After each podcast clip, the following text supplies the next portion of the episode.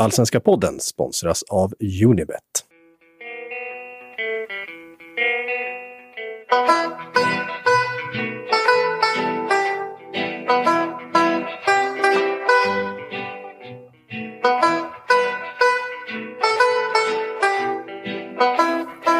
kommer komma en liten överraskning, men det är inget elakt. Okej, vad är det då? Otroligt. Kanske är det ingen överraskning. Men det är inget, inget som kommer ställa dig. Hej och välkomna till den allsvenska podden som görs i samarbete med Robert Laul och Per Boman. Det är jag som är Laul och det är du som är Boman. Hej Per! Hallå! Äntligen är du tillbaka från en lång och förhoppningsvis välgörande semester. Säg snabbt en sak från allsvenskan som fastnat under veckan när du varit borta.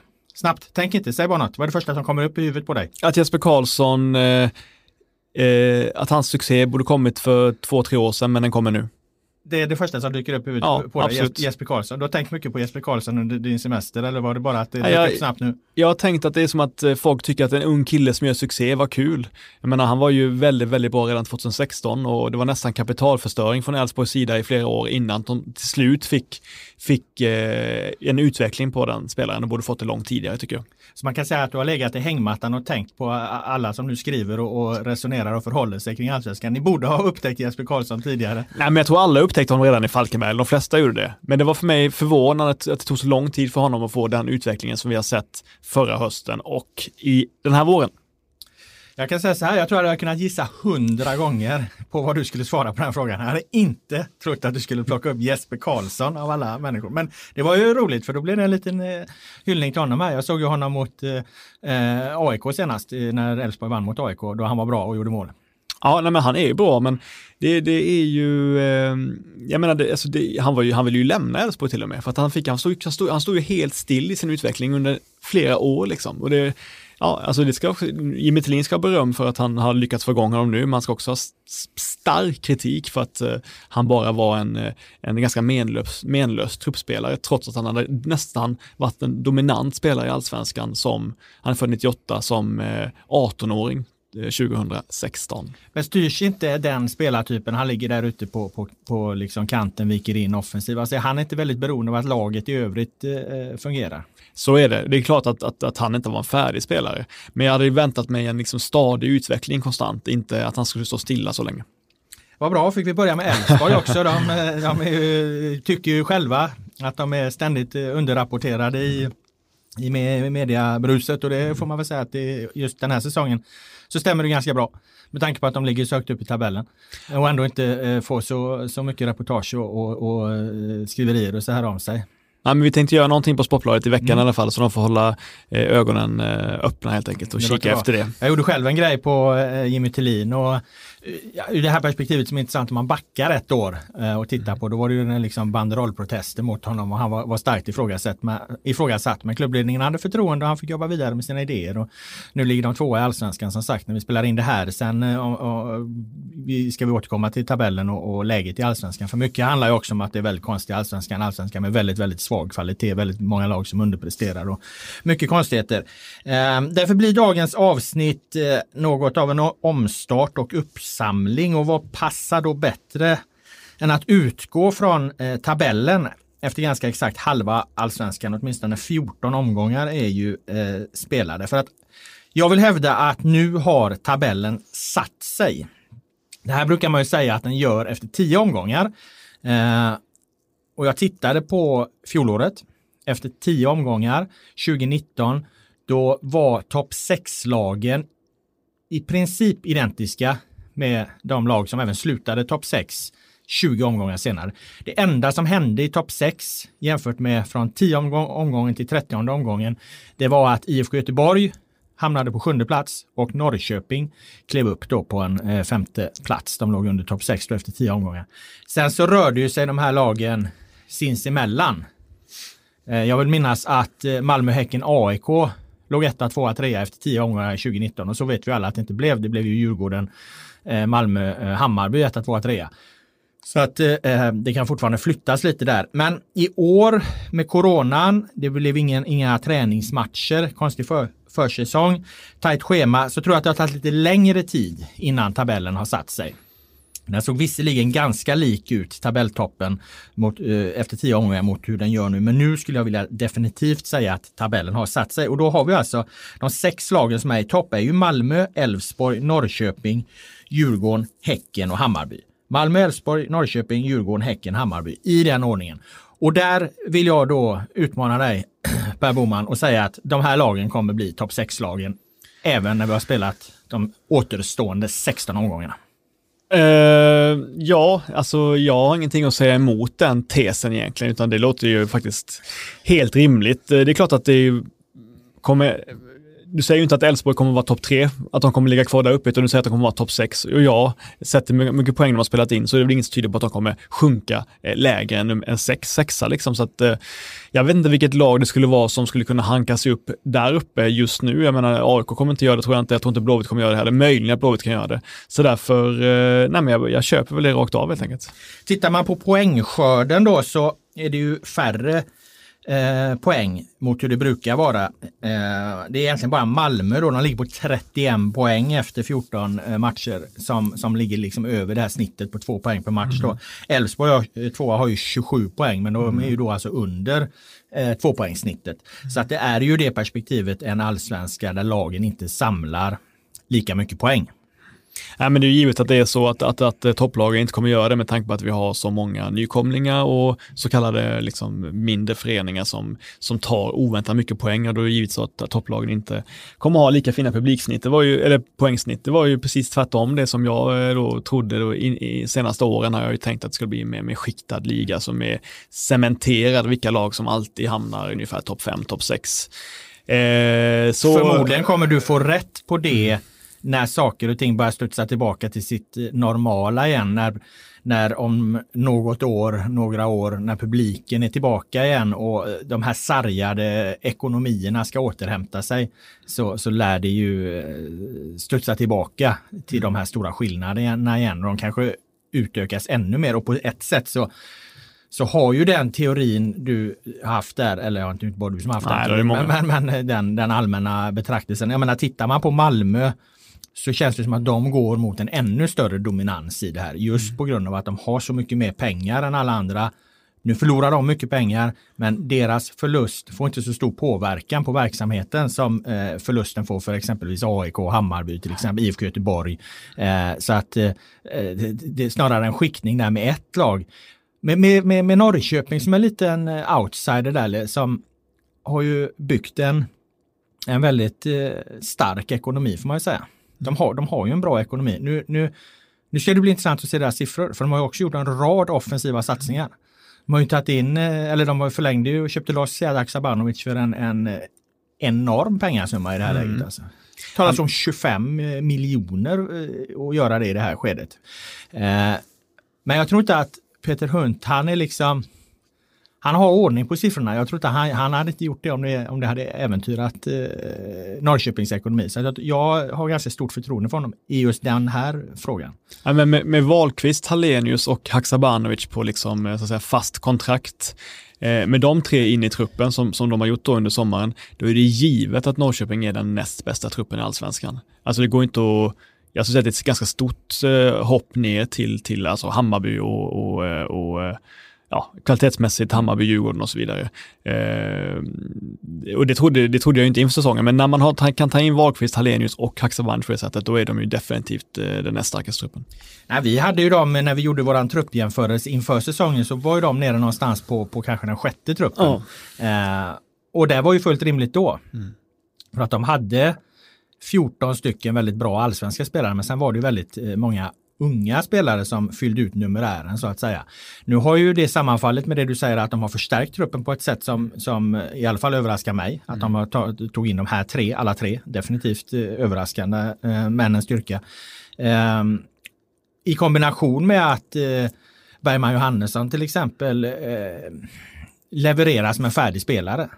Då, då även ur det perspektivet mm. så blir ju truppen bredare. Mm. Så att jag eh, är beredd att hålla med. Norrköping har gått från en, en ett frågetecken kring bredden i truppen till ett utropstecken där. Ja, men det är också nyckelpositioner som de har förstärkt. Nyman var den stora, om han skulle vara skadad så hade de ingen riktigt färdig ersättare, Kalle Björk var inte redo och så vidare. Så där, nu har de Alenius som är ju minst en 4 plus-spelare på allsvensk nivå.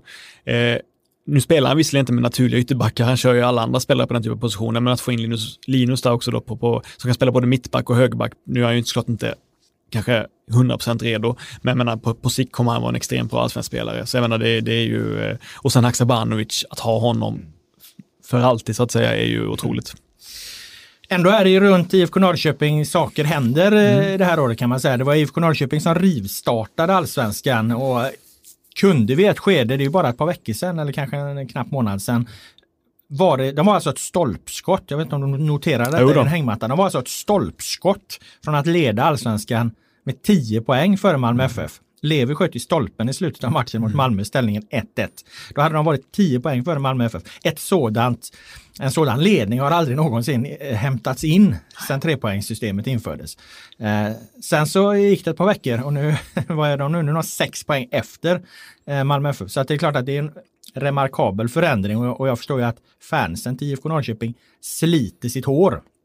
Eh, samtidigt så tycker jag att, man, att, att det går att förklara de här kraftiga mm. vändningarna ganska enkelt. Och det, det, det, det är bara att konstatera att Jens Gustafsson och Norrköping, de hittade en nyckel hur de skulle hantera den här problematiska försäsongen. De kom ut klart bättre förberedda än alla andra. Mm. Eh, och de, de maxade också effekten de har i sin då förhållandevis tunna trupp. Det vill säga att de körde med samma lag match efter match efter match. Det var ju en diskussion där, rotera, rotera inte. De öste på. Nu har ju liksom verkligheten, eller vad vi ska kalla det, börjat komma ikapp lite grann. För nu, nu, nu, nu, nu börjar ju övriga lag också hitta mer rätt i det. Det blir bättre och bättre spel. Norrköping har inte den fördelen av att de var så mycket bättre förberedda än, än eh, alla andra, eller att de var så tidigt på tå. Och det är klart det sliter ju också att spela med förhållandevis samma lag eh, varje match. Ja, jag tänkte säga det. Alltså, jag menar, jag tycker inte, jag förstår att många supportrar ser det här som en hemsk, hemsk kollaps liksom. Men ja. jag, jag ser i grunden att Norrköping eh, kommer vara de som utmanar Malmö om guldet hela året. Alltså Malmö, eh, Norrköping är så pass, pass, pass stabila, de har så pass bra tränare, de har så pass bra spel och de har så pass bra spelare att det är givet att Norrköping kommer med hela vägen. Liksom att de börjat släppa in massa mål, det beror ju delvis på att, eh, att Norrköping är det mest offensivt balanserade laget i hela allsvenskan. Det är ju givet, de har väl sällan, sällan mer än två spelare som är utpräglat defensiva i, i startelvan. Liksom eh, trycka upp eh, liksom Isak Bergman Johannesson som, som vänsterback och Linus Wahlqvist på andra kanten. Och i början av säsongen tycker jag att en sån som Erik Smith som jag tyckte var väldigt bra första fem, sex omgångarna. Jag tycker att han Kanske för att han får spela mycket och också tappar lite fart, kanske inte kan binda ihop lagdelarna lika bra. Det brukar finnas ganska stora ytor mellan Norrköpings mittfält och backlinje. Det är stora ytor för, för motståndarna att, att, med, med spelvändning helt enkelt. De är ganska sårbara på, på spelvändningar och det är man ju när man är så offensiva. Det är ju liksom, det är ju någonting de räknar med, men nu har det liksom både på grund av egna misstag men också lite av slumpen blivit så att de släpper in ganska mycket mål och många onödiga mål.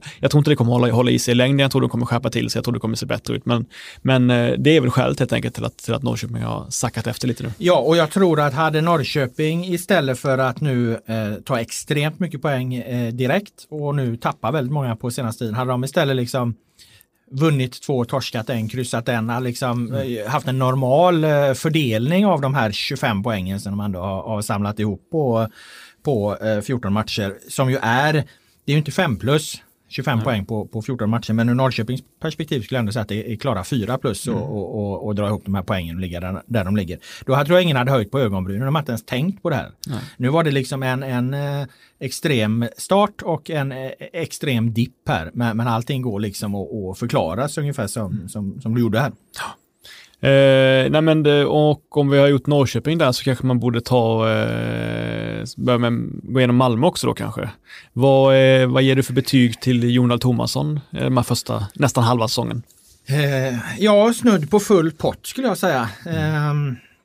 jag tycker att han eh, om man backar bandet när Malmö tog in honom så, så fanns det ju ändå en hel del frågetecken kring honom. Det är en färsk eh, fotbollstränare som inte har haft eh, ansvaret på det här sättet eh, för ett lag. Han är liksom ingen erfaren tränare och han kom någonstans in i, i ett läge där, där han hade Ja men han hade ju ganska tuffa kraven då får man, får man säga i, i en svensk kontext. Det, var ju inte, det är inte bara liksom att han ska lotsa den, den liksom rikaste klubben och den stora favoriten. Det, det bästa spelarmaterialet. Det är inte bara att han liksom ska, ska ta dem till guld utan han ska få det att fungera, han ska hålla truppen på hyfsat humör. Han ska dessutom eh, ta fram eh, unga spelare och han ska framöver här eh, ta laget till Europa och eh, han ska göra det under en, en eh, pandemisäsong då. Så att eh, det är klart att, att det fanns många minor att trampa på där.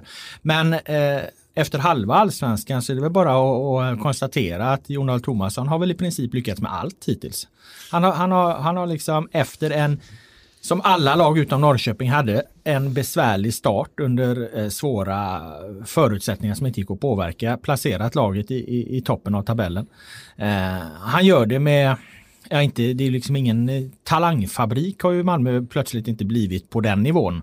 Eh, men däremot så, så, så, har de ju gett unga spelare speltid och de har gjort det på ett trovärdigt sätt. De har inte bara tagit in eh, vad, vad heter de här som Adin Alic eh, som var, var på tapeten i början, eh, Pritcha, mm. eh, Tim Pritcha, eh, gett dem speltid. För det var de som var på tapeten i början. Mm. Nej, utan här är det jag, Anel Ahmedhodzic har ju varit med hela vägen. Men sen har Namin Sar kommit in också då på kvalitet. Så att hela, hela den satsningen på unga spelare har blivit trovärdig och den har, tror jag, jag tror att just det är väldigt viktigt för att det får inte skapa ett problem i truppen. Du kan inte spela massa unga spelare och så ser de äldre rutinerade att vad fan han duger inte på träningen. Då skapar du, då skapar du ett problem. Jag kan tänka mig att det blev lite så i AIK till exempel när man öste in unga spelare mm. Och de äldre såg att vad fan, alltså de här levererar inte vare sig träning eller match men de går ändå före i startelvan för att klubben har något perspektiv. Nej, på den här då ganska slaka linan har Jon Dahl Tomasson balanserat eh, eh riktigt bra. Och det tredje, innan bara, du kommer. Ja, nej, bara, in, det är just de ungdomarna. Ja. Ja, men jag, bara, jag är helt enig om den pragmatismen. Jag tycker att den har varit extremt imponerande i Malmö, att de har lyckats avgöra vilka spelare som ska få chansen. Och jag vill också säga det, jag skrev redan efter Häckenmatchen, eh, kryssmatchen i början av året, att en sån som Tim Pritcha, hans eh, beslut tillsammans med sin agent eller pappa eller vad det nu är, är för mig helt obegripligt. Malmö FF, stora Malmö FF, trots att de har hundra anfallare och yttrar, ge honom chansen i flera matcher från start. Du får starta här, vi tror på dig, vi vill ha kvar dig, vi tycker att du är en enorm talang. Du får chansen att visa vad du går för. Han gör väl två plusinsatser, någon kanske snuddar på tre, någon kanske på ett. Är habil liksom. Och att det inte räcker för en ung talang, att det inte räcker att en klubb visar så tydligt att du borde få, du får chansen när vi vill ha kvar dig och byta ändå. Hur fan ska man förstå det? Nej, nej, är inte det märkligt? Jo, det är klart att det ja. Eh, jag, använde, ja. jag sa ju där, använde ordet talangfabrik, att Malmö mm. inte är det. Det är klart att på ett sätt är ju Malmö en extrem talangfabrik. Men, men det, som har varit, det som inte har varit i Malmö, det är att talangerna har ju inte tagit det sista steget kanske i Malmö i den eh, omfattning som klubben har önskat. Just eftersom de har så högt satta mål. De ska vinna serien, de ska ut i Europa och eh, då, krävs det, då krävs det en jävla noggrannhet att få det här att, att, att fungera. Så det är klart att en, en talangfabrik är Malmö, mm. men, men att att få den sista liksom, lilla utväxlingen på det eh, har, de, har ju inte gått eh, klockrent. Och det är ju ett, eh, ett problem som alltid kommer vara svårt. Den, den eh, de motstridiga intressena eller de intressena som står mot varandra, det kommer alltid vara ett problem. Det kommer alltid krävas eh, stor skicklighet och där tycker jag att Thomasson har, har gjort det väldigt bra hittills och det, det, innan du bröt in där det jag skulle mm. säga var att eh, han har dessutom hittat vad det verkar ett bra sätt att, eh, att rotera. Och mm. rotera är ett nyckelord den här allsvenska säsongen och kommer så vara, särskilt för de lagen som ska kvala till Europa. Ehm, jag blev otroligt imponerad när han bytte ut halva laget efter cupförlusten mot Göteborg och eh, körde över dem eh, Blåvitt då i eh, den allsvenska matchen fyra dagar senare med ett i princip halvt nytt lag. Så där, där fick han verkligen full effekt av, av, av en notering. Ja men också att extremt ifrågasatta spelare som ju vars framtid i klubben har liksom verkligen, man har känt att den nästan börjar stängas helt. Sån som eh, Frans Brorsson kommer tillbaka och ser trygg ut som mittback. Han är ingen mästermittback, men han passar ganska bra in nu och gör bra insatser.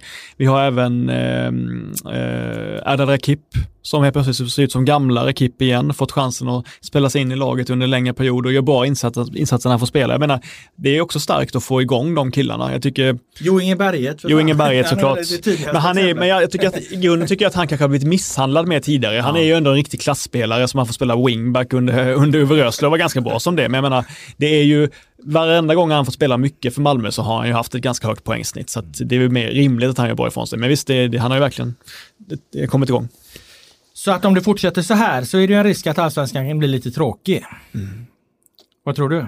Drar de, drar de ifrån här nu eller? Ja men man har ju Alltså man får ju, men, nej men min magkänsla, ja det är klart att jag tror det. Mm. Så är det. Man vill ju gärna skydda sig själv och säga att mycket kan hända och, och det är dumt att ta ut saker och ting i förskott. Men ja, kan ett lag som Malmö FF eh, ha eh, den linjen från mittfält och framåt med Christiansen, eh, Toivonen och eh, Isak Isse Det är eh, exempellös klassen då, alltså otrolig kvalitet på de tre spelarna. Och dessutom så kan de ju, som många varit inne på, Tidigare har Christiansen varit alldeles för viktig. Varenda gång han har varit borta. Eh, han har varit tvungen, han har varit tvungen att vara den som samlar upp bollen där nere och fördelar vidare. Han har också varit tvungen att vara den som gör de avgörande sakerna längst fram. Nu har de Ola Toivonen som kan, som kan ta det ansvaret.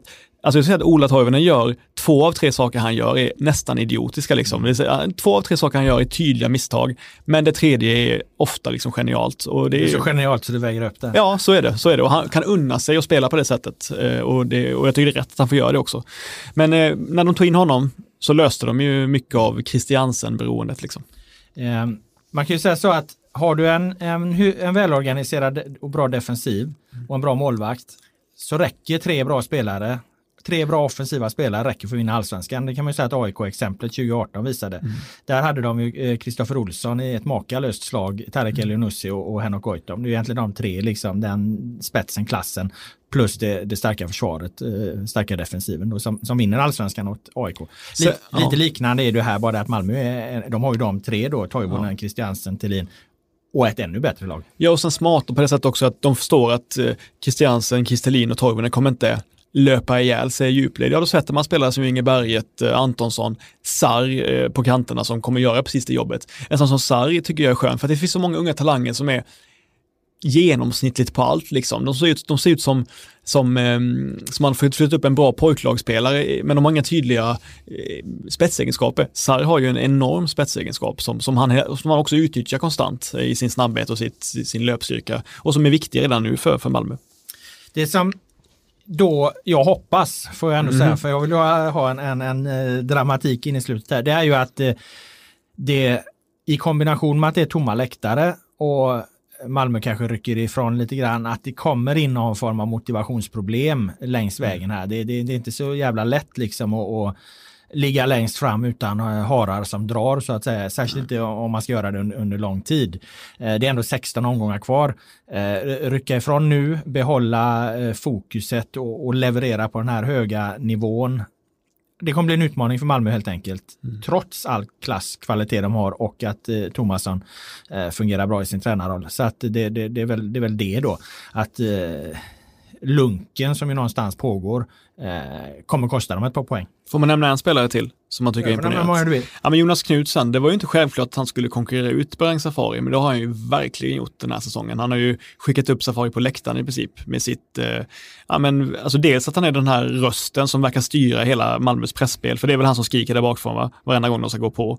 Eh, plus, plus att han är, är ja, men helt okej okay med bollen och fina inläggsspelet och såklart eh, de extremt viktiga inkasten. Eller som, äh, som Tobias Sanna sa, äh, att Aiesh hade honom i sin ficka efter de hade ja. förlorat med 3-0 mot Malmö FF i den andra matchen. Å andra sidan måste man säga att just den matchen så kom så, så tog sig, hade de haft en anfallare den matchen så hade de ut ett par mål för Aiesh kom ju förbi säkert fyra gånger. Aiesh hade dansken i sin ficka tror jag Sannas exakta citat var. Det var roligt. Eh, ja. Vi lämnar Malmö, Elfsborg ja. har vi där. Vi har redan ja. berört Elfsborg. Eh, har du eh, fått någon annan känsla ja. för, förutom för, för Jesper Karlsson? Ja men det är väl intressant att de gick från eh, det här eh, nästan, det var det här dumdristigt fula laget förra året till ett eh, nästan perfekt avvägt lag mellan, mellan, eh, mellan hårt arbete. Eh, ja, men de har blivit ett vuxet lag. Liksom. Elfsborg var ju liksom, det var ju, det var ju dött så många gånger, men det, var ju, det fanns ju något mesigt över Elfsborg under en period i början av Thelin. Det fanns någonting eh, pojkfotbollsaktigt i deras spelövningar på planen på något sätt. Det ser ut som att de övade nästan. Nu har de ju men de har ju också, eftersom de fått in sån som Johan Larsson tror jag betyder jättemycket med sin, med sin karisma och sitt, eh, sin, eh, sina krav på medspelarna. Kravställande. Ja. Precis, precis. Och sen är det klart att om någon sa till, till mig innan året, tror du att en tremannakedja med Jesper Karlsson, Rasmus Alm och Per Frick kommer liksom göra så att Elfsborg ligger tvåa? Så hade jag sagt nej, det tror jag inte. Definitivt inte. Men de, får ju, de spelar ju en rakare fotboll. De har extremt fina, snabba, de kan ligga lågt, försvara lågt, sen har de jättefina spelvändningar med, med Alm och Jesper Karlsson. Frick kan låsa fast bollen. Simon Olsson löser jättemycket svåra situationer och, och, och eh, får ju en enorm trygghet när han har de här köttarna som Holst och, och eh, Sivet Nilsson bakom sig som tar hand om allt försvarsspel så kan Simon Olsson koncentrera sig på att spela ett svår, svårare spel högre upp i banan också. Jag tycker att det finns mycket som stämmer helt enkelt. Ja, alltså jag, jag minns eh, i fjol, jag tror om det var Lagerlöf eller om det var Kim Bergstrand, Thomas Lagerlöf eller Kim Bergstrand, jag intervjuade i Djurgården och pratade om vad Malmö, nej det var nog fan Stefan Billborn i Hammarby, mm. om Malmö FF. Um, för det var lite svårt kanske att sätta fingret på vad, vad är Malmö FFs styrkor och, och Billborn eh, pekade ut att, att de är så jävla hårda att möta hela tiden. Mm. Eh, de, de har det är liksom internationell känsla i, deras närkampsspel och allting. Det, jag är inte säker på att det alltid syns så himla tydligt den, den internationella hårdheten, den, den fysiken så. Och jag menar absolut inte att Elfsborg är i närheten av Malmö eh, på, på det området, eller Malmö i fjol, när Malmö gick till Europa League. Eh, men däremot så, så utnyttjar de fördelarna med att vara ett fysiskt kraftigt lag på ett helt annat sätt än de har gjort tidigare. Och det jag är inte säker på att det syns så himla mycket. Men, men, men jag tror att det är en, en delförklaring till det. Det är jobbigt som fan att möta Elfsborg. Mm. Inga, inga, inga, inga, roliga matcher längre. Nej. Utan det kan ju ganska ont att möta Elfsborg. De har en rejäl jävla centrallinje, det ska man komma ihåg, med, med, med Rönning som är en jättebra målvakt. Du har ett mittbackspar här i, i Väisänen och framförallt ja. Josef Okumo. Okumo kommer att spela Champions League-fotboll en vacker dag, ja. det är jag helt övertygad om. Mm. Eh, och sen har du framför här då eh, med Nilsen och eh, Holst. eh, Holst och Simon Olsson som har varit otro, ja. otroligt bra. Och så den här eh, elake fan eh, Frick mm. längst fram liksom. Så att den här är ganska då förhållandevis granithårda centrallinjen, den kanske inte liksom ser ut så, man kanske inte tänker den sig som det, men den är det. Och den är också kvalitativ. Simon Olsson tyckte jag var bra redan från andra halvan egentligen eh, förra mm. året. Eh, han, han, han, har alltid haft talangen men inte fått ut så mycket av den. Nu får han ut mer och mer, mer och mer av den. Jag tycker att han har varit lägen i banan. Han har också fastnat lite i det här Dooley Johnson-duttandet från kant till kant liksom. Mm. Eh, nu, och så tycker också att han tappade bollen i ganska farliga lägen ibland. Där. Nu gör det inte lika mycket om han tappar bollen ibland för att han, ja han är ju fortfarande nere och hjälper till men jag tycker ändå att han får göra sina grejer högre upp i planen. Och det är bra. Sen är det intressant också att undra vad som är vad i det här. För jag menar mm. när Jimmy Tillin kom in i Elfsborg mm. och skulle göra Elfsborg till ett eh, bra fotbollslag igen.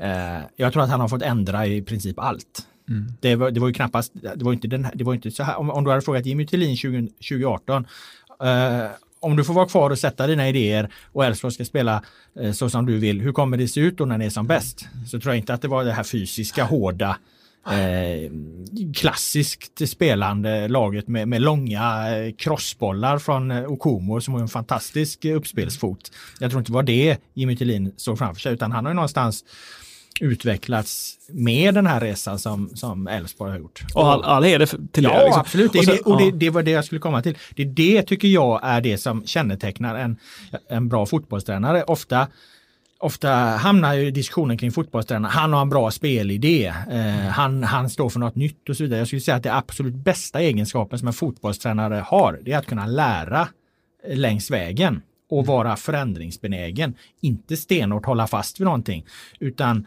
Eh, för att tränaryrket är ett erfarenhetsyrke. Och, och komma som ung som han gjorde, du, du kan inte allting. Men att vara då, vara flexibel, beredd att ändra sig. Eh, vad, vad, har du möjlighet att få in för spelare och du får in helt andra spelartyper.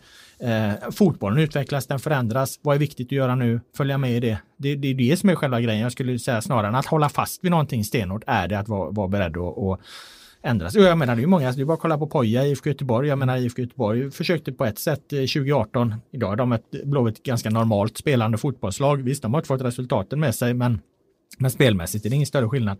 Så att det, det där tycker jag absolut, jag håller med. Thelin ska ha cred för det. Och man kanske, det, vi sa ju det här om, om det här lite uttjatande om att de var så fula förra året. Det kanske var, det kanske var tvunget att bli någon slags eh, eh, antites, tes och nu syntes. De kanske var tvungna att, att, att lära sig det här hårdare, fulare, tuffare närkampsspelet under ett år för att nu hitta en, en, en rimligare nivå i det den här mm. säsongen. Det var de tre topplagen. Eh, Malmö, Elfsborg, IFK Norrköping just nu efter då halva allsvenskan. Sen har vi ett par, par eh, andra då här på topp 6. Vi har Djurgården, eh, Häcken och Hammarby som, som ligger liksom och, och eh, samlar lite damm där strax nedanför topp 3. Och det, det man kan säga om dem utan att gå, gå in för jävla djup på mm. eh, varje respektive lag där, det, det, det är ju att de här lagen de, de kännetecknas av väldigt ojämna prestationer i år. Framför allt då Häcken och Hammarby. Jag menar Häcken, de vinner i princip allt hemma, förlorar allt borta. Så möter de tabelljumbon Eh, Kalmar och så får de plötsligt stryk på hemmaplan av gräslag som ligger sist i, i tabellen eh, på sin konstgräsmatta med 2-0, vilket ju egentligen, jag säger så här, det går inte att dra en enda analys av det. Det är bara att konstatera att det, det, där är, eh, det där är allsvenskan eh, 2020. Det går fan inte att sätta en trippel. nej, nej, men det man kan säga om de lagen det är ju att det är ingen total katastrof för något av de tre, men det är också, det känns ju mediokert liksom, totalt sett från alla tre. Mediokert, knappt godkänt i princip. Eh, Ändå ligger de topp sex. Ja, och det är väl okej okay, liksom. De har, alla tre lagen har, har, mer, har mer att hämta, men, men eh, det är inte så att man är storligen imponerat av något av dem. Nej, inget av dem. Jag menar Häcken och Hammarby kommer inte ha någonting med någon guldstrid att göra. Jag menar Nej. de är alltså 10 respektive 11 poäng efter Malmö FF. Det, det, det finns ja. ut på kartan. Eh, Djurgården eh, kan, väl, kan ju definitivt blanda sig i en, en Europaplatsstrid och det skulle väl kanske Hammarby och Häcken göra om, om det förändras också. Men eh, den här allsvenskan den, den, den och de här lagen just, de har pendlat så mycket i, i, i sina prestationer och framförallt då eh, BK Häcken och Hammarby. Så att eh, det är, jag, jag, jag skulle säga att det är jävligt svårt helt enkelt att dra några tydliga slutsatser kring exakt hur bra de blir i slutändan. Man kan säga också att det är lite typiskt Djurgården. Varenda gång de är, de var inte storfavoriter inför derbyt mot AIK nu, men varenda gång Djurgården är storfavorit i ett derby. Hammarby? Äh, nej, Djurgården. Varenda gång Djurgården är storfavoriter. Ja, men de mötte Hammarby i derby. Ja, jag vet, men jag, jag, sa att de, de var inte det inför AIK som de vann. Ja, men varenda gång de är riktiga storfavoriter, då torskar de. Mm. Alltså det var inte, jag tycker inte det var mycket som talade för att Djurgården skulle göra en platt match eh, i det här derbyt inför matchen. Det trodde inte jag i alla fall. Men att de gör det, det, det, det är, hade de fortsatt nu, vunnit den matchen och, och, och eh, ja, gått vidare på den här formtoppen på något sätt, eller det mest stabila spelet, då har man kunnat säga, ja men Djurgården är nog på, på G ändå, men att de torskar den matchen mot ett, ett skakat Hammarby är jävligt dåligt. Ja, den eh, matchen var också någonstans eh, en symbol för det här årets allsvenska skulle jag säga. Men det är klart, det, där finns ju en historia också som jag vet inte hur mycket den ska vägas in. Nu, hade ju, nu kommer Djurgården från en derbyvinst mm. mot AIK så rimligen borde de väl lite inte varit så jävla skärrade av att de ska spela derby när de precis har vunnit ett. Men eh, eh alla som såg, såg den matchen satt ju första 10 minuter, 5-10 minuter i kvarten och kliade sig vad, fan håller Djurgården på med alltså? De, de var provocerande passiva.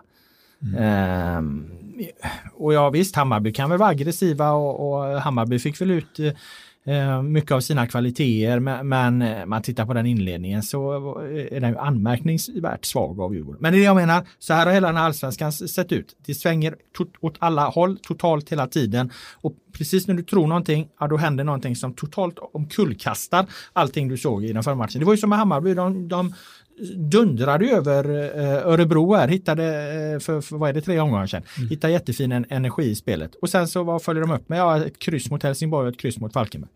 Men jag får säga en fråga, för jag kollade på eh, Malmö-Falkenberg och AI, eh, Mjällby-AIK den dagen, så jag missade eh, derbyt och tänkte att jag skulle kolla på de matcherna istället, eftersom jag visste att du var på derbyt. Då vill jag ändå fråga dig det här, eh, bara snabbt om derbyt, eh, att eh, Hammarby förändrar taktiskt. Kan du säga någonting om det och är du jätteimponerad av det eller är du måttligt imponerad? Ja, jag var mest förvånad för jag kan inte påminna mig om att Stefan Billborn eh, särskilt ofta i alla fall tidigare eller ens någon gång har spelat med trebackslinje och, och tvåmannaanfall.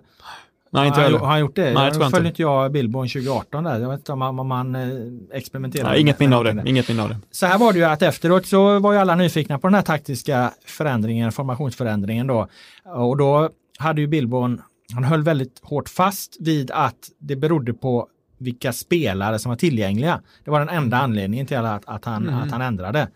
Men sen ju fler frågor han fick på det så började han svänga att ja, men det kanske också var ett sätt för eh, att göra den här taktiska förändringen var ett sätt för att få spelarna att tänka på något annat. Det vill säga att de skulle inte tänka på att Hammarby hade en utsatt tabellsituation, att det hade varit svajiga prestationer tidigare, mm. att det var ett derby, att de var tvungna att vinna. Allt det där skulle de sluta tänka på. De skulle bara tänka på att de hade ett nytt spelsystem att förhålla sig till, en ny formation. Mm. Så att, eh, om det var en efterhandskonstruktion eller inte, det vet jag inte. Men det var i alla fall hans, vad han svarade när vi bröt ner liksom men var det verkligen bara eh, spela? Du kunde väl liksom fått ihop ett 4-3-3 med, med tillgängligt spelarmaterial också, givetvis. Eh, så att efter ett tag då så tillstod han som sagt att det var också ett, ett sätt för att flytta spelarnas fokus från utsatt läge till att tänka på, just det, vi har ett nytt spelsystem här, vi måste göra si och så. Klokt. Ja, om det nu inte bara var en efterhandskonstruktion. han var ju också tydlig på frågan, Kommer ni att fortsätta med det här? Nej, Nej det kommer ja. de inte göra. Så fort Nej. de har tillbaka alla sina spelare då så ska de ju eh, gå tillbaka till sitt vanliga, för han ser då större eh, utvecklingspotential i det sättet att spela. Så vi får väl se hur de gör här nu mot eh, Norrköping, är det väl de har härnäst. Mm. Mm. Oh. Um. Nej, så att, men sen om det där om, om liksom att, att, de, att det var just att de hade en trebackslinje och två anfall. Ja, alltså första målet kan man ju säga. Eh, jag tycker Hammarby Eh, har du, spelar du med två anfallare, eh, en anfallsduo och, och, du kommer till ett inspel, då måste du ha, ha en, en någon i boxen.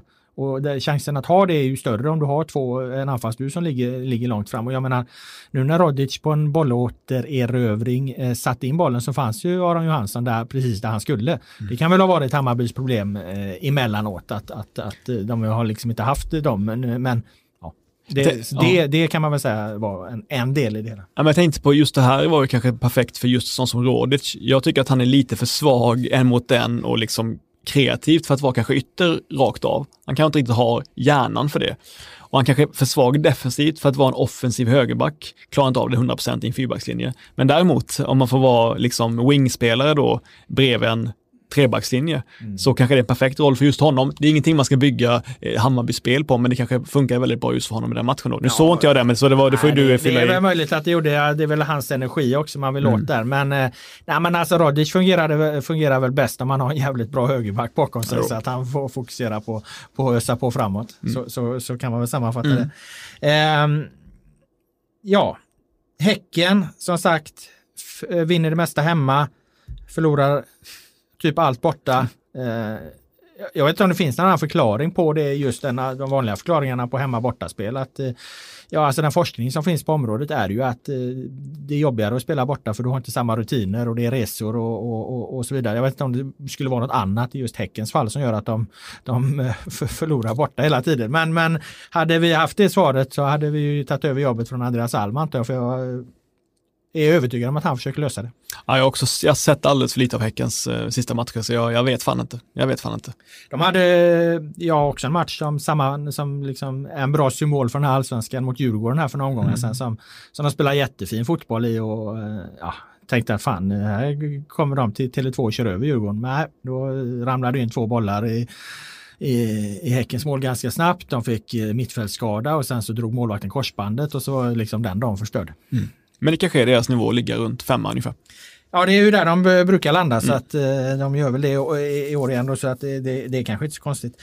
Eh, det leder oss eh, till en annan region av den här tabellen då som vi hävdar har satt sig och det är ju mittensegmentet då. Där hittar vi Eh, Sirius, Mjällby, Varberg och Örebro skulle jag säga. De har, har en 5-6 poäng ner till kval och 8-9 upp till en Europaplats då, så att de ligger väl ganska bra i mitten. Eh, ett, par, ett par segrar skulle ta dem uppåt ganska snabbt och ett par förluster tar dem neråt ganska snabbt. Det är väl det som kan sammanfatta mitten. Det har, det har ju inte så stora skillnader i tabellen så att det är något jättetydligt mittensegment. Men i alla fall Sirius, Mjällby, Varberg, Örebro. Där har vi två då eh, nykomlingar. Mm. Mjällby och Varberg och där skulle jag säga att ja, de har gjort det jättebra. Det var bra ny, nykomlingar och, och bla bla bla liksom. Men det är också eh, ytterligare, det är också en symbol för den här allsvenskan. Det har inte varit, det har varit en bra allsvenska att vara nykomling i just eftersom det är så många lag som underpresterar. Det är så svajiga resultat. Det var mycket träningsmatchkaraktär i början. Det är ett tätt spelschema. Det är liksom andra parametrar lite som styr var de här poängen hamnar. Så det skulle jag säga Mjällby Varberg tjänar på. Örebro är ju där de alltid är mm. och sen har vi då Sirius som jag någonstans tycker fortfarande är den kanske Succé mest, ja, ja, det var dit jag skulle komma. Den mest positiva överraskningen i hela det här årets allsvenska. Det är, det är fenomenalt starkt av Sirius att ha tagit så mycket poäng. Att ha tagit det med, med med ja, ett spel som ändå sticker ut någonstans. De är ju kanske, Sirius är ju, Sirius är ju det lag som mest liknar Östersund när Östersund mm. var som mest extrema och framgångsrika i, i sitt liksom bolltrillande. Så. Men de får ju effekt på det. och Eh, Rydström har väl också många lärdomar att göra längs vägen. Men eh, en sak som han sa när du hade semester så körde jag lite poddar, intervjupoddar och då hade jag Rydström här och han sa en mycket intressant grej. Han kom in och det han gjorde det var att han förändrade eh, miljön utifrån vilka krav man ställer på varandra. Det är en sak att komma in och säga vi ska göra dittan och dattan och vi ska göra det här och det här bättre och, och det här måste vi undvika och så. Det är en annan, annan sak liksom att eh, få effekt bakom de, de där orden. Att verkligen eh, Ja, men gör du inte så som vi hade bestämt, ja då får det en konsekvens. Det här duger inte, det här är för dåligt. Han menar på att han har förändrat hela, eller han menar väl inte på, men jag tolkar honom ja. som att han har förändrat hela den kravställan i Sirius. Jag menar, jag, Sirius är väl en klubb som inte har kunnat ha särskilt eh, hårda krav. För jag menar, de har inte varit, de är ju usel ekonomi ofta i botten av tabellen och så vidare. Men så kommer man in liksom och så bestämmer sig för att nej men fan nu ska vi försöka förändra det här. Men fatta vad starkt då i en klubb som inte kan i princip ersätta spelare, som inte kan köpa nytt. Att spola Christer Gustafsson, att eh, spola Filip Haglund, att bänka Busch Thor, att eh, inte spela Kennedy som var prestigeförvärvet egentligen, Kennedy Ibranike. Att liksom låta alla dem bara, att, att be Kebasis i princip dra åt helvete. Liksom alltså att peta honom hur mycket han än gnäller liksom. Det skiter väl Rydström i. Mm. Det är Jävligt menar, starkt. Det, det, är jävligt starkt gjort det är starkt av en tränare att våga göra det. Det är, också, det är också det som är att ställa krav. För ja. att även om det där då är bra namn som har gjort saker tidigare, gör det inte det som vi har, det. vi har ja. kommit överens om och bestämt här, ja då får det en konsekvens. Då får väl eh, Kebba gå ut och liksom ja. göra intervjuer i tidningarna och, och, så istället. Jag menar, ja, så jag håller med, absolut det är starkt. Men, men och jag menar, det ligger i linje med just det här tror jag han pratade om att nu ställer vi krav här. Mm. Och det, det, det kan man säga. Men om det inte efterföljs av någon form av konsekvens och det är inte så, det tror han sa till och med att inte så att han är någon form av diktator liksom som slår folk i skallen. Han, han, det är bara det att han kräver en viss sak och om inte man lever upp till det så får det en konsekvens då. Jag tror det är väldigt få tränare som hade vågat göra samma sak. Väldigt få som hade vågat i en sån utsatt klubb ta bort sådana spelare och peta den typen av namn. Det tycker jag var, nej, strångt. För jag menar, det är ingen som visste att Adam Hellborg, alltså, att Sogita och Vecchia skulle vara sådana tydliga poängspelare. Det är klart att man tänkte att de, i de bästa världar kanske de kom upp i, i fem mål var på en säsong. Liksom. Eh, så att det, ja, han såg någonting som inte alla andra såg. Eh, och så att även om de nu tappar, de har ju varit med i topp, eller i liksom, mm. de har ju hängt på topp 6. De ska ha mer poäng än vad de har haft, ja, de har egentligen. Ja, exakt. Men, men även om det slutar här nu med att de ligger och skvalpar ja, ja. i mitten så är det ju förstås en fantastisk säsong. Det var där en annan tänkte tippa dem innan eh, någon kom in och sa att det där kan du inte göra. Jag vet, men jag vill säga det också, angående Mjällby och Varberg, det som imponerar med dem, eh, som, jag vet att de är nykomlingar, det är en bra säsong att vara nykomling, men man ska ju ta den chansen också. Och det tycker, ja, ja, det, tycker, det tycker jag verkligen de har gjort. Jag tycker också att båda lagen kan eh, behärska både eh, behärska, behärska båda matcherna där man måste anpassa sig för motståndaren och försvara, men kan också driva matcher själva och det är inte alltid nykomlingar klarar av det, men det klarar de väldigt bra tycker jag. Absolut. Jag menar bara att eh, normalt eh, år så hade ju IFK Göteborg och AIK inte legat där de ligger nu. Eh, och då hade du fått skicka de här eh, nykomlingarna ytterligare ett, ett, ett par eh, placeringar neråt i, i, i, tabellen och de kanske inte hade tagit sina poäng mot just Göteborg och AIK. Ja. Så att eh, det hade sett lite annorlunda ut om det inte hade mm. varit coronaår. Men vi, absolut, visst är det så. Man ska, man ska ta chansen när den dyker upp och det har ju både, både Varberg och, och, och, och Mjällby gjort. Och, eh, nu har vi ändå spelat halva allsvenskan så det var inte bara så att de dansade i, i, i fem matcher utan de ligger trots allt i, i mitten av allsvenskan här efter, efter halva eh, halva serien och det finns väl egentligen inget som talar för att de kommer klappa igenom Nej, på något sätt. Utan det här är ju den, den serie vi har nu någonstans. Mm. Utifrån teorin att tabellen har satt sig då. Det ger oss också då en bottenstrid och den kanske är den het. Det kanske är det som blir grejen med det här årets allsvenska mm. bottenstriden egentligen. Eh, för där har vi just nu då två så kallade storklubbar. Eh, men vi börjar nerifrån. Sist ligger Östersund, Falkenberg, Kalmar. De har ju bottenplatsen och kvalplats, 12 poäng. Där eh, ovanför precis har vi då AIK Helsingborg på 13 poäng och IFK Göteborg på 14 poäng. Eh, så det är alltså sex lag inom eh, tre poäng där då, 12, 13, 14. Ja, det otäcka för Blåvitt och AIK är att de lagen längst ner är inte pissusla liksom. Alltså, alla de tre lagen kan, kan göra Mm. okej okay insatser. Jag vet att det blir alltid så att om man verkligen letar så kan man hitta bra saker i, i vilket lag som helst. Men jag menar bara att eh, jag, jag tycker inte AIK är knappast just nu tydligt ett bättre lag än vare sig, eh, de, är knappt, de är knappt ens favoriter mot ÖFK på torsdag. Liksom. Mycket på grund av den mentala härdsmältan. Liksom. Men jag menar, det, det, jag säger bara att inget av de tre lagen är, kommer ligga kommer ligga 10 poäng bakom eh, ja, 15 placerade lag. Det är så jag menar. Nej, jag förstår precis vad du menar och håller med. Jag tror dock att Östersund kommer bli kvar där nere. Mm. Jag, jag har svårt att se att någon, de har ju sålt Kadiri här nu också. Ja. Och, och jag har svårt att, att se vad det är som ska ta, ta, ta dem iväg från den här positionen. I övrigt håller jag helt med dig. Falkenberg, alldeles för lågt placerade sett till den eh, kva,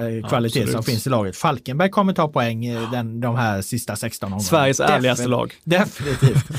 ja, eh, när de mötte Hammarby här så var ju Hasse Eklund han var ju topp tunnel rasande, han gjorde en jättebra match mot, eh, mot eh, Bayern. Eh, men han var rasande för att keepern, Noring, hade ju fått ett gult kort efter sju minuter och Eklund menar ju på att domaren hade förutfattade meningar och trodde att de kom dit för att och, och maska. Det var ju inte alls eh, grejen, de ville ju liksom sortera upp sig så att de kom, kunde sätta igång sina anfall hävdar han och de är fan inget lag som åker till Tele- Tele2 för att och, eh, maska hem en poäng mot eh, Hammarby utan de ville vinna matchen. Det stämmer ju. Menar, ja, ja, det är bara att kolla på Falkenberg när de mötte Norrköping. Man har nästan lika, lika fina passningskombinationer som någonsin Norrköping hade i den matchen. Nej, de spelar jättefint Falkenberg. Falkenberg kommer definitivt eh, ta poäng här. Så Falkenberg är ingen räddningsplanka för AIK och IFK Göteborg. Östersund är en räddningsplanka. Så vi har en räddningsplanka. Falkenberg, ingen räddningsplanka. Eh, Kalmar, Ja, möjligen. svår, svårbedömt. men, Ja. men ah. Ja, jag vet inte fan, alltså, jag- man trodde jag skulle lyfta sig lite med Nanne. Det har de inte gjort. Eh, nu har de fått in lite nytt, eh, nya spelare här eh, och det är möjligt att det på sikt kommer ge dem en viss effekt. Det är möjligt att det har börjat ge dem en viss effekt. Det återstår väl li- lite att se. Eh, Kalmar skulle kunna vara en räddningsplanka. Kalmar skulle kunna vara så dåliga som de har varit hittills.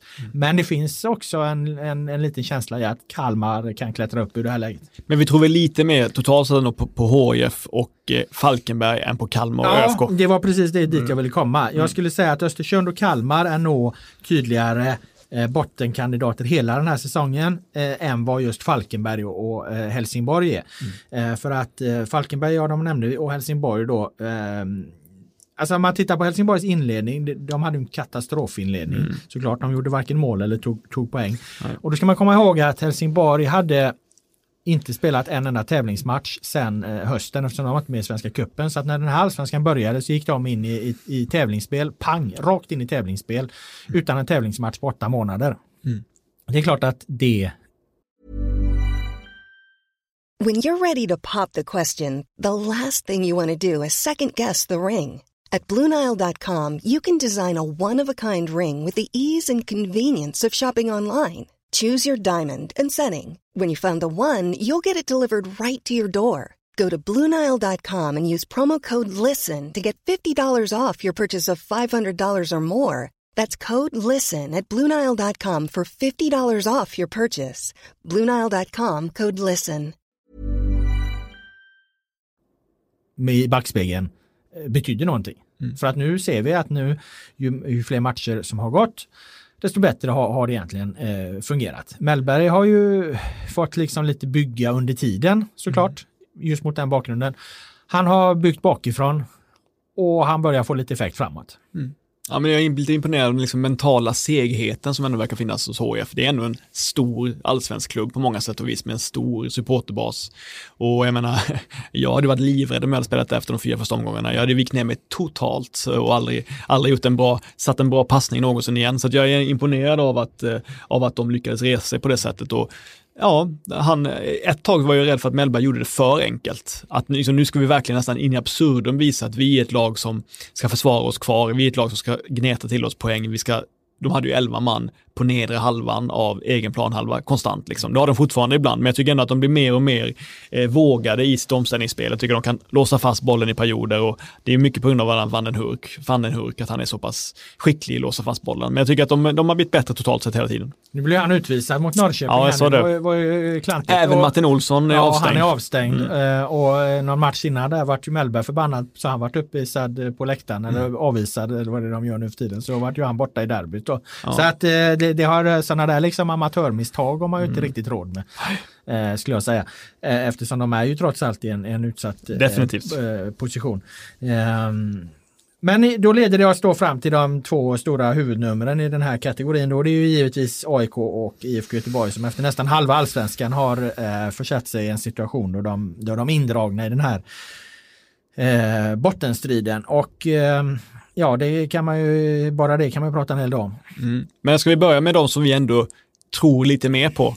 Och det är ju IFK Alltså, om man, Göteborg. ja, om man jämför man AIK och IFK Göteborg så Alltså IFK Göteborg har ju en rad problem. Mm. Jag säger inte det, men hade IFK Göteborg haft en riktigt kvalitativ anfallsspelare, en, en, en, målskytt så som man enkel, enkel, enkelt kan uttrycka det som, eh, som hade tagit tillvara på de chanserna som de ändå skapar, då hade de de hade inte varit ett topplag, men de hade inte legat i det här eh, eländiga, i den här eländiga situationen såklart. Ja, jag det tycker- hade va- ja. varit, men, men alltså det beror ju på någonting att de inte har klarat av att skaka fram det. Mm. Eh, Du var ju tidigt ute här och, och vevade mot att de tog in eh, Alexander Fanerud. Nu sköt han visserligen en, en cuptitel till Mm. Dem, men, men eh, det var, var väl speciella omständigheter. Och de har, har eh, gjort lite andra budgetvärvningar då eftersom de helt enkelt inte har ekonomi eller, Mm. eller eh, scoutingförmåga att hitta något, något bättre. Eller också är det något annat som gör att de inte tar in någon billigare lösning men som har just eh, en annan typ av, av, av egenskap. En Mikael Boman Ja, liksom som kan bryta av, som kan ge dem något Men annat. Victor Podell, liksom, ja, men lite något sånt, Mm. sånt. Det skulle kunna vara ganska nyttigt i IFK Göteborg.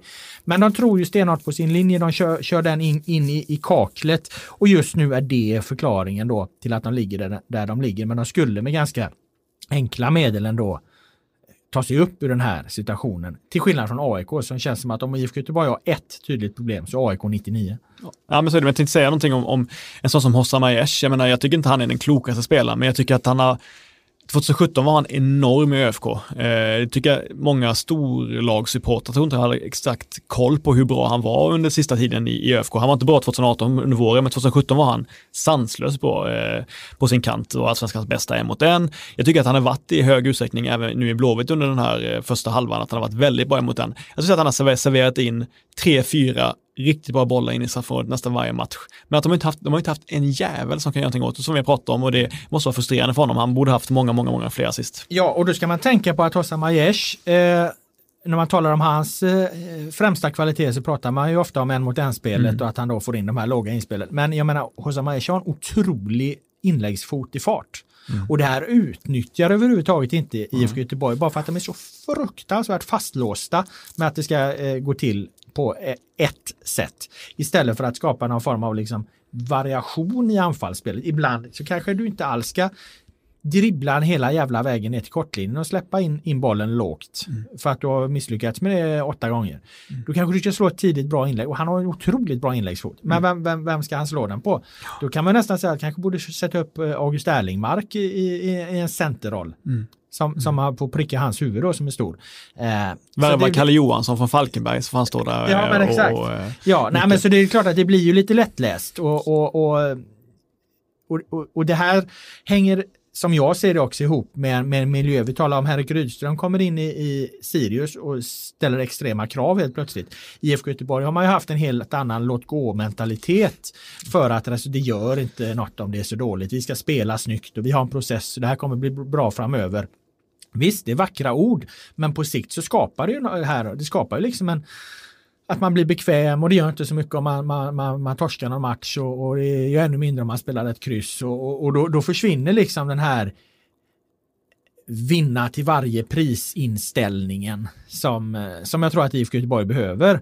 Och då tar man inte heller till i deras perspektiv lite mer oortodoxa metoder för att vinna matcherna. Man sätter inte ett tidigt eh, inlägg på August Erlingmark som, som, som är, är nummer nio För att man är så fastlåst att man ska spela på sitt sätt. Och det är inget fel egentligen att spela på det här sättet. Det är jättebra att ha ett grundspel och jag tror att det grundspelet eh, över tid Ja, kommer, kommer i IFK Göteborg bra lägen. Men, men det är uppenbart att där de befinner sig nu är ju inte tillräckligt bra. Och då måste man ju vara flexibel. Vi talar om Thelin, då måste man ju förändra, man måste hänga med och, och man måste vara beredd att göra saker som, som bryter mönster, hitta nya vägar.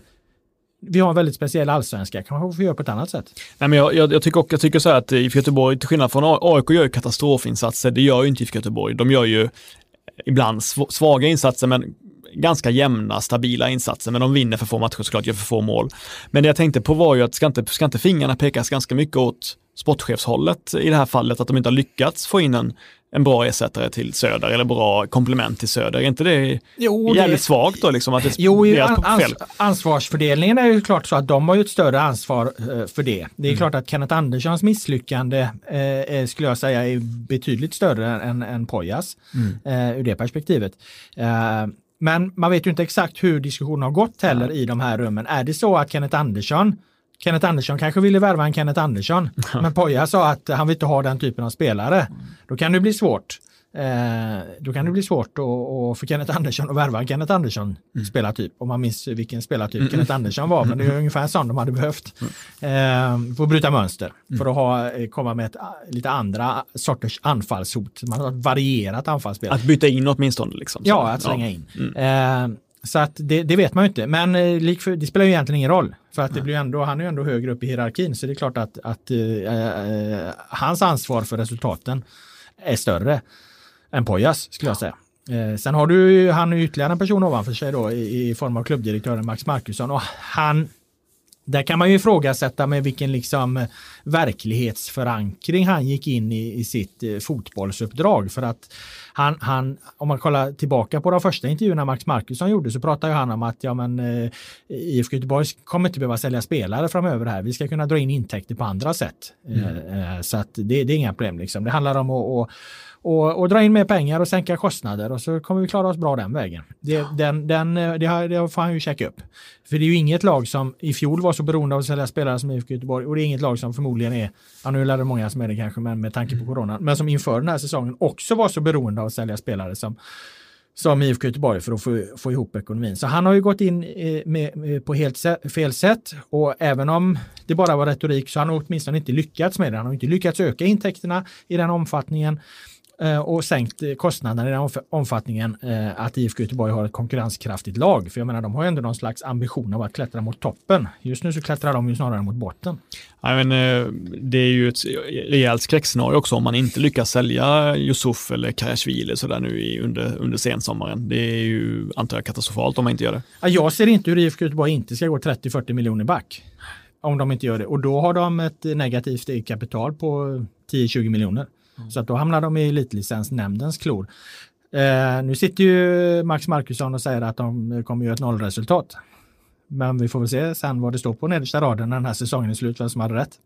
Så är det. Jag tänkte på, eh, om man ska gå in på AIK då, då kan man ändå säga så här, ja, eh, om man ska gå in lite spelmässigt då först och främst. Jag tycker ju att eh, jag tycker ju att Rickard Norling var underkänd som tränare, men man kan ju inte säga att eh, han måste få tid såklart. Men jag tycker inte att Bartos än så länge har varit, eh, eh, gått jättebra då. Han har ju inte fått någon, någon, eh, någon positiv effekt då än så länge av sitt, eh, av sitt, eh, sitt intåg i klubben. Det var intressant för jag, jag såg Mjällby-matchen.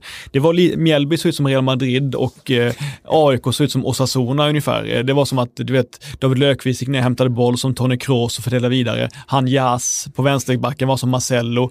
Ogbu var som Benzema på topp när AIK ligger under med 1-0, när AIK ligger under med 1-0, då så står de fortfarande kvar med i princip 11 man på egen planhalva och försöker hitta något styrspel eller försöker hitta något bett i pressen. Men är helt oförmögna att, att, eh, att eh, få någon typ av eh, kontroll på, eller få någon typ av kontroll på Mjällbys tre mittbackar. De har tre mittbackar som rullar runt och behåller bollen i laget hur bekvämt som helst. Hitta upp på innermittfältet, hitta upp på yttrarna.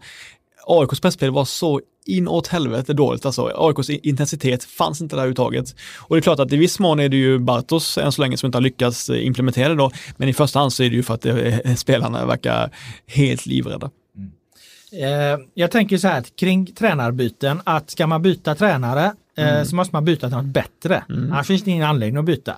Eh, hittills eh, finns det ingenting i AIK som har blivit bättre av det här eh, tränarbytet. Så än så länge så kan jag inte komma till någon annan slutsats än att det var helt fel att byta tränare. Det är möjligt att det förändras, att det över tid här nu kommer visa sig att det var väldigt bra att byta till eh, Bartosz Jelak och eh, få in den liksom, eh, ja men det ledarskapet som han står för. Eh, och att det behövdes något nytt och så. Men, men fram till att saken inte blir bättre så, så är det för mig helt omöjligt att hävda att det var, att det var bra att eh, byta tränare. Så att eh, nej, hittills tycker jag inte det. Eh, att AIK bytte tränare tror jag och det här är en spekulation från min sida, men jag är eh, 99,9% säker på den. Men det tror jag är en hederlig klassisk gammal maktkamp eh, i AIK.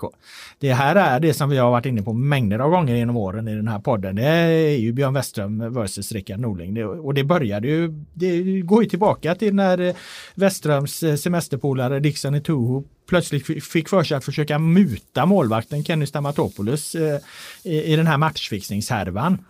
Och, och, vad som sedan eh, hände där var ju att Rickard Norling tog eh, kommandot över, över hela den situationen.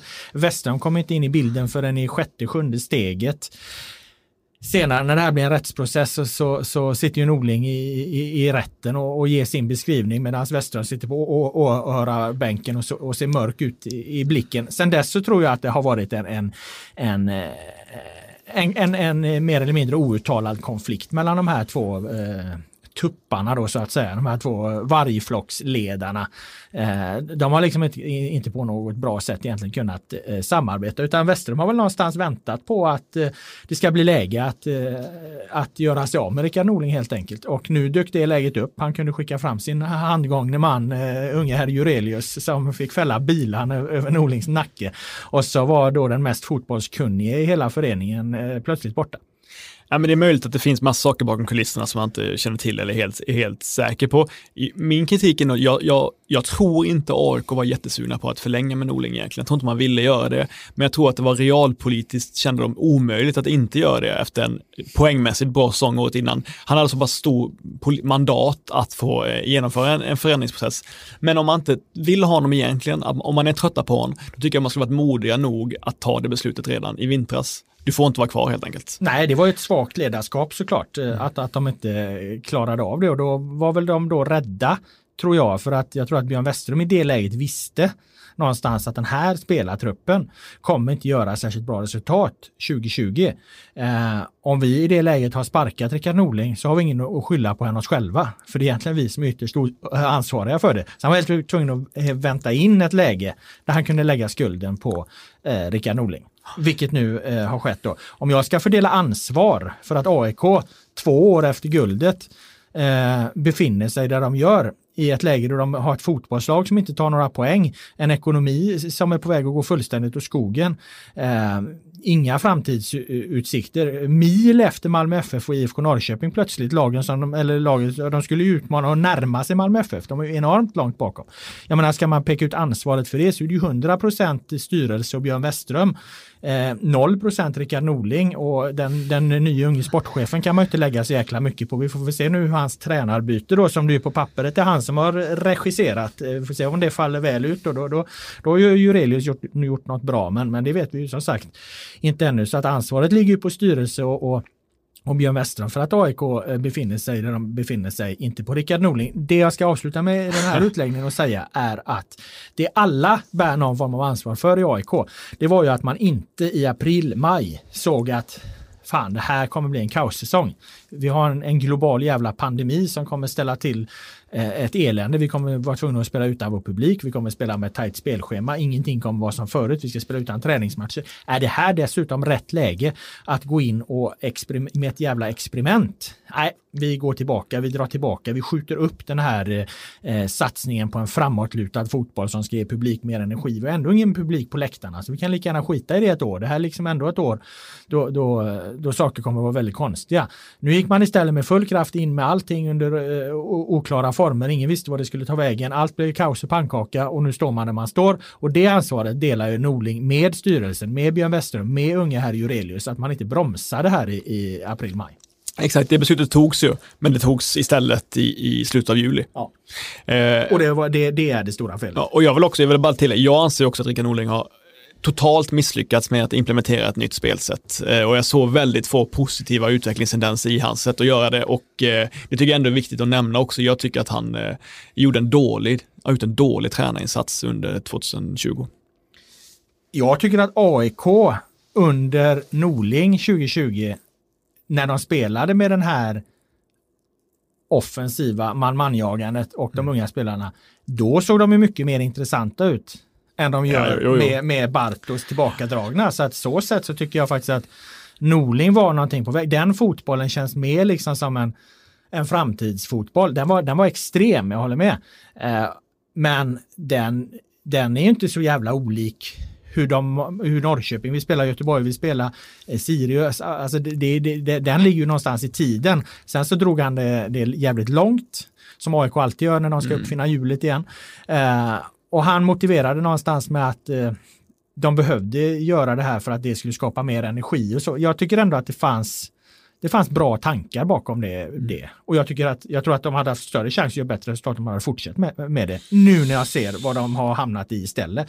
Så att eh, hur jag än vänder och vrider på det så landar jag i slutsatsen att det var fel att sparka Norling och han borde ha fått fortsätta och jag tror att de har större chanser att göra bättre resultat om han hade fått göra det. Ja, jag vill säga fem, sex matcher till med, med, med Bartos innan man kan slå fast det. Sen vill jag också säga att jag tror att ett av skälen till att han inte har lyckats så bra än så länge, det tror jag också är för att Norling lämnade spelarna i någon slags i känslomässig hög av förtvivlan typ. Jag tror, jag tror, att, de är, jag tror att de är otroligt sänkta spelarna. Eh, och jag tror att de är det på grund av eh, eh ett för svårt spelsystem som de inte har klarat av. Men hela anledningen till att de en gång bytte, Jo, jag vet, det, var jag ju vet, att spelarna var, vänta, det var ju att spelarna var förtvivlade. Vi satt ju i den här podden och pratade om att de är så låsta och de får inte ut någonting och de Mm. Ja, jag måste vet. göra något annat. Så att jag menar, vad de här spelarna nu tycker och tänker, det, det, de, de har liksom förlorat sina mandat eh, i det här läget. För att det var ju de som ville få in, de kände ju sig själva låsta i, i det här gamla. Även Norling gjorde det å andra sidan. Ja, även Norling. Och även Bj- Björn Westerholm och alla gjorde ju det. Mm. Så att de ville ju göra den här förändringen. Och a- a- att då peka ut en, en syndabock för det när du har en styrelse och Björn Westerholm som är övergripande ansvariga, det är enbart fegt. Jag är helt enig om att det är flera personer som, som, som delar ansvaret, men jag tycker inte man kan frikänna Rickard Norling. Nej, och jag håller med om att han borde ha, han, Norling, som jag har väldigt hög, eh, tror väldigt mycket på, han borde ha dragit i handbromsen i, ap- i april-maj. Han, eh, som faktiskt är den som kan fotboll bäst av alla de här, det, där håller jag med dig. Han borde i april-maj ha sett att det är inte läge att gå in i det här. Vi måste för AIKs bästa bromsa. Det, det håller jag helt med dig om. Det, det, det ansvaret lägger jag på Norling. Där borde han pausat. Eh, vad tror vi då om vi av, avslutar den här eh, bottendiskussionen? Jag tror att IFK Göteborg kommer klättra upp ur den här situationen eh, lite grann. Enig. Och AIK hamnar på kvalplats. Oj, oj, oj. Nej, men det finns ju eh, otroligt starka 2004-2010-vibbar av. Det är många AIK-supportrar som redan pratar om det, med all rätt. Det finns ju, och det är just den här eh, eh, rädslan för att misslyckas som verkar ha satt sig i, hela klubben redan nu, eh, innan det inte ens gått halva säsongen. Eh, men, men eh, Överlever de ett kval mot Halmstad?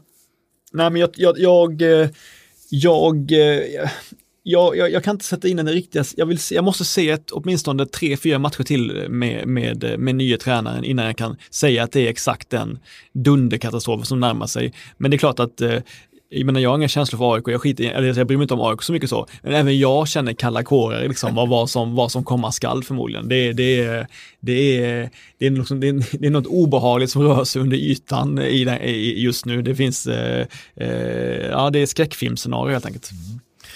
Ehm, då lämnar vi botten eh, segmentet där. Jag ska bara snabbt säga någonting också om transferfönstret. För att det har ju varit öppet, vad är det nu, i två veckor va? Ja, det händer inte mycket nu. Nej, har vi sett en enda övergång förutom Kadiri? Vad har vi, vad Hallenius, eh, men var jag det är klart tidigare. Jag ja. tänker ut, ut, ut, försäljningar. Ut, ut, ja, okej. Kadiri Ja, har blivit såld. För att Ja. jag menar, det är, de, alltså klubbarna skriker ju efter pengar. De hör ju till och med av sig Ja. och, och, undrar vad fan kan inte utländska klubbar förbarma sig över, eh, över eh, våra stackars serie här. Det, det är klart att de vill sälja spelare. Ingen, ing, alltså, inbilla er ingenting annat Nej. än att alla klubbar vill sälja allt de har. Ja, men så som Gigovic. Gigovic är ett bra exempel. Ja. Jag menar, Helsingborg har väl nasat ut honom på varenda marknad som finns tillsammans med hundra agenter liksom. Och ändå blir det ingenting, Nej, ändå går det inte. Ändå, det kommer ju komma någonting, men det kommer förmodligen vara mycket lägre än vad de vill. Ja, alltså Kadiri, nu gjorde han en svag s- eh, sommar då. Ja. Men han får de ju alltså netto 8-10 miljoner enligt Mm. eh, en intervju jag gjorde med Daniel Kindberg häromdagen. han eh, hade inga problem att svara på att netto 8-10 miljoner för Kadiri. Så att då har de väl fått en, en eh, 12 miljoner eller något där. Det ligger väl någonstans där då. Eh, och det är klart att vi, vi det, det, det, jag menar vad hade de värderat han till den där de skickade in till Ja, just när de Ja, värderar hela sin 60 jävla millar. Ja, exakt. Mm. nu fick de äh, ja, storleksordningen 10 för honom då. Nej men det är klart att det var ju en spelare, en anfallare, ung anfallare, man kände någonstans normala omständigheter 30 miljoner. Mm. Och nu har vi då alltså en, en allsvenska där spelarna kanske inte kommer härifrån till ens till halva priset utan till en tredjedel av priset. Nej, absolut. Eh, Jag, eh, jag ser Då får inte... ju Hammarby får ju inte 5 miljoner för Bojanic. Ja, det vet jag inte. Alltså det, jag, jag tror ju att en, en klok klubb skulle kunna lägga lite mer pengar, men, men, men det, jo, det, jag tror de skulle kunna få 10 miljoner för honom. Ja. Tror du inte det? Jo, jo kan absolut. Men jag menar... Men jag förstår vad du menar, det sänks, sänks ju, det sänks. Nej, men jag ser inte riktigt vilka spelare det är som ska ut heller. Vilka spelare är det som ska säljas liksom? Ja, det vilka... är, ju- där har du en hel hög. Du nämnde ju Gigovic. Du, ja, jag du, vet, men jag menar vilka är det som att... eh, Du har eh, eh, Yusuf. Ja, men i- Ahmed Hodzic skulle kunna sälja så mycket pengar för IFK Malmö. Göteborg. Till exempel, ja, nej, men jag håller med dig, men att det inte händer någonting är väl ett tecken så gott som något, att det, att det, att det är stiltje. Ja, och det är ju katastrofalt det, det, det är katastrofalt Ja. skulle jag säga för klubbarna. Därför har ju trycket ökat här nu på att de ska få ta in sin publik Mm. på läktarna. Eh, De har ju startat någon form av, av kampanj då där de Mm. eh, för- trycker på politiker och, och då, det är ju med Svenska fotbollsförbundet och det är väl eh, Bilsportförbundet är väl med på något hörn där också.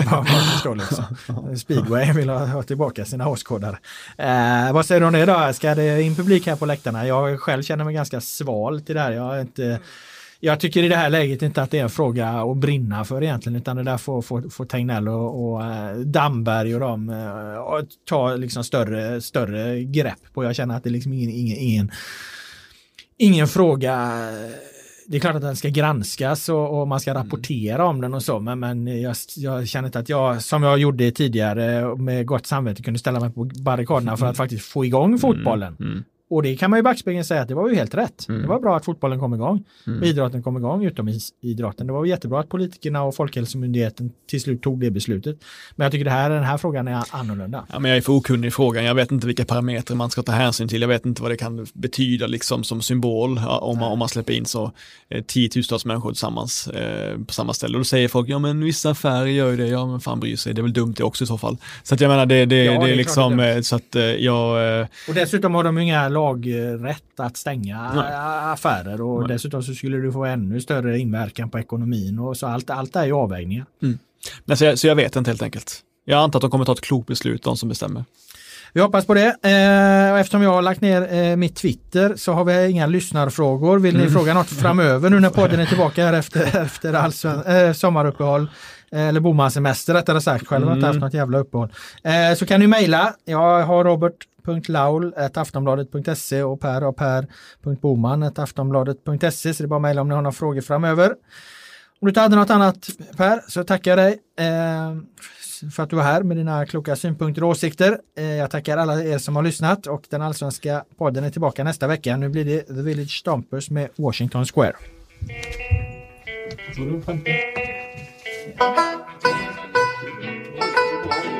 Samma.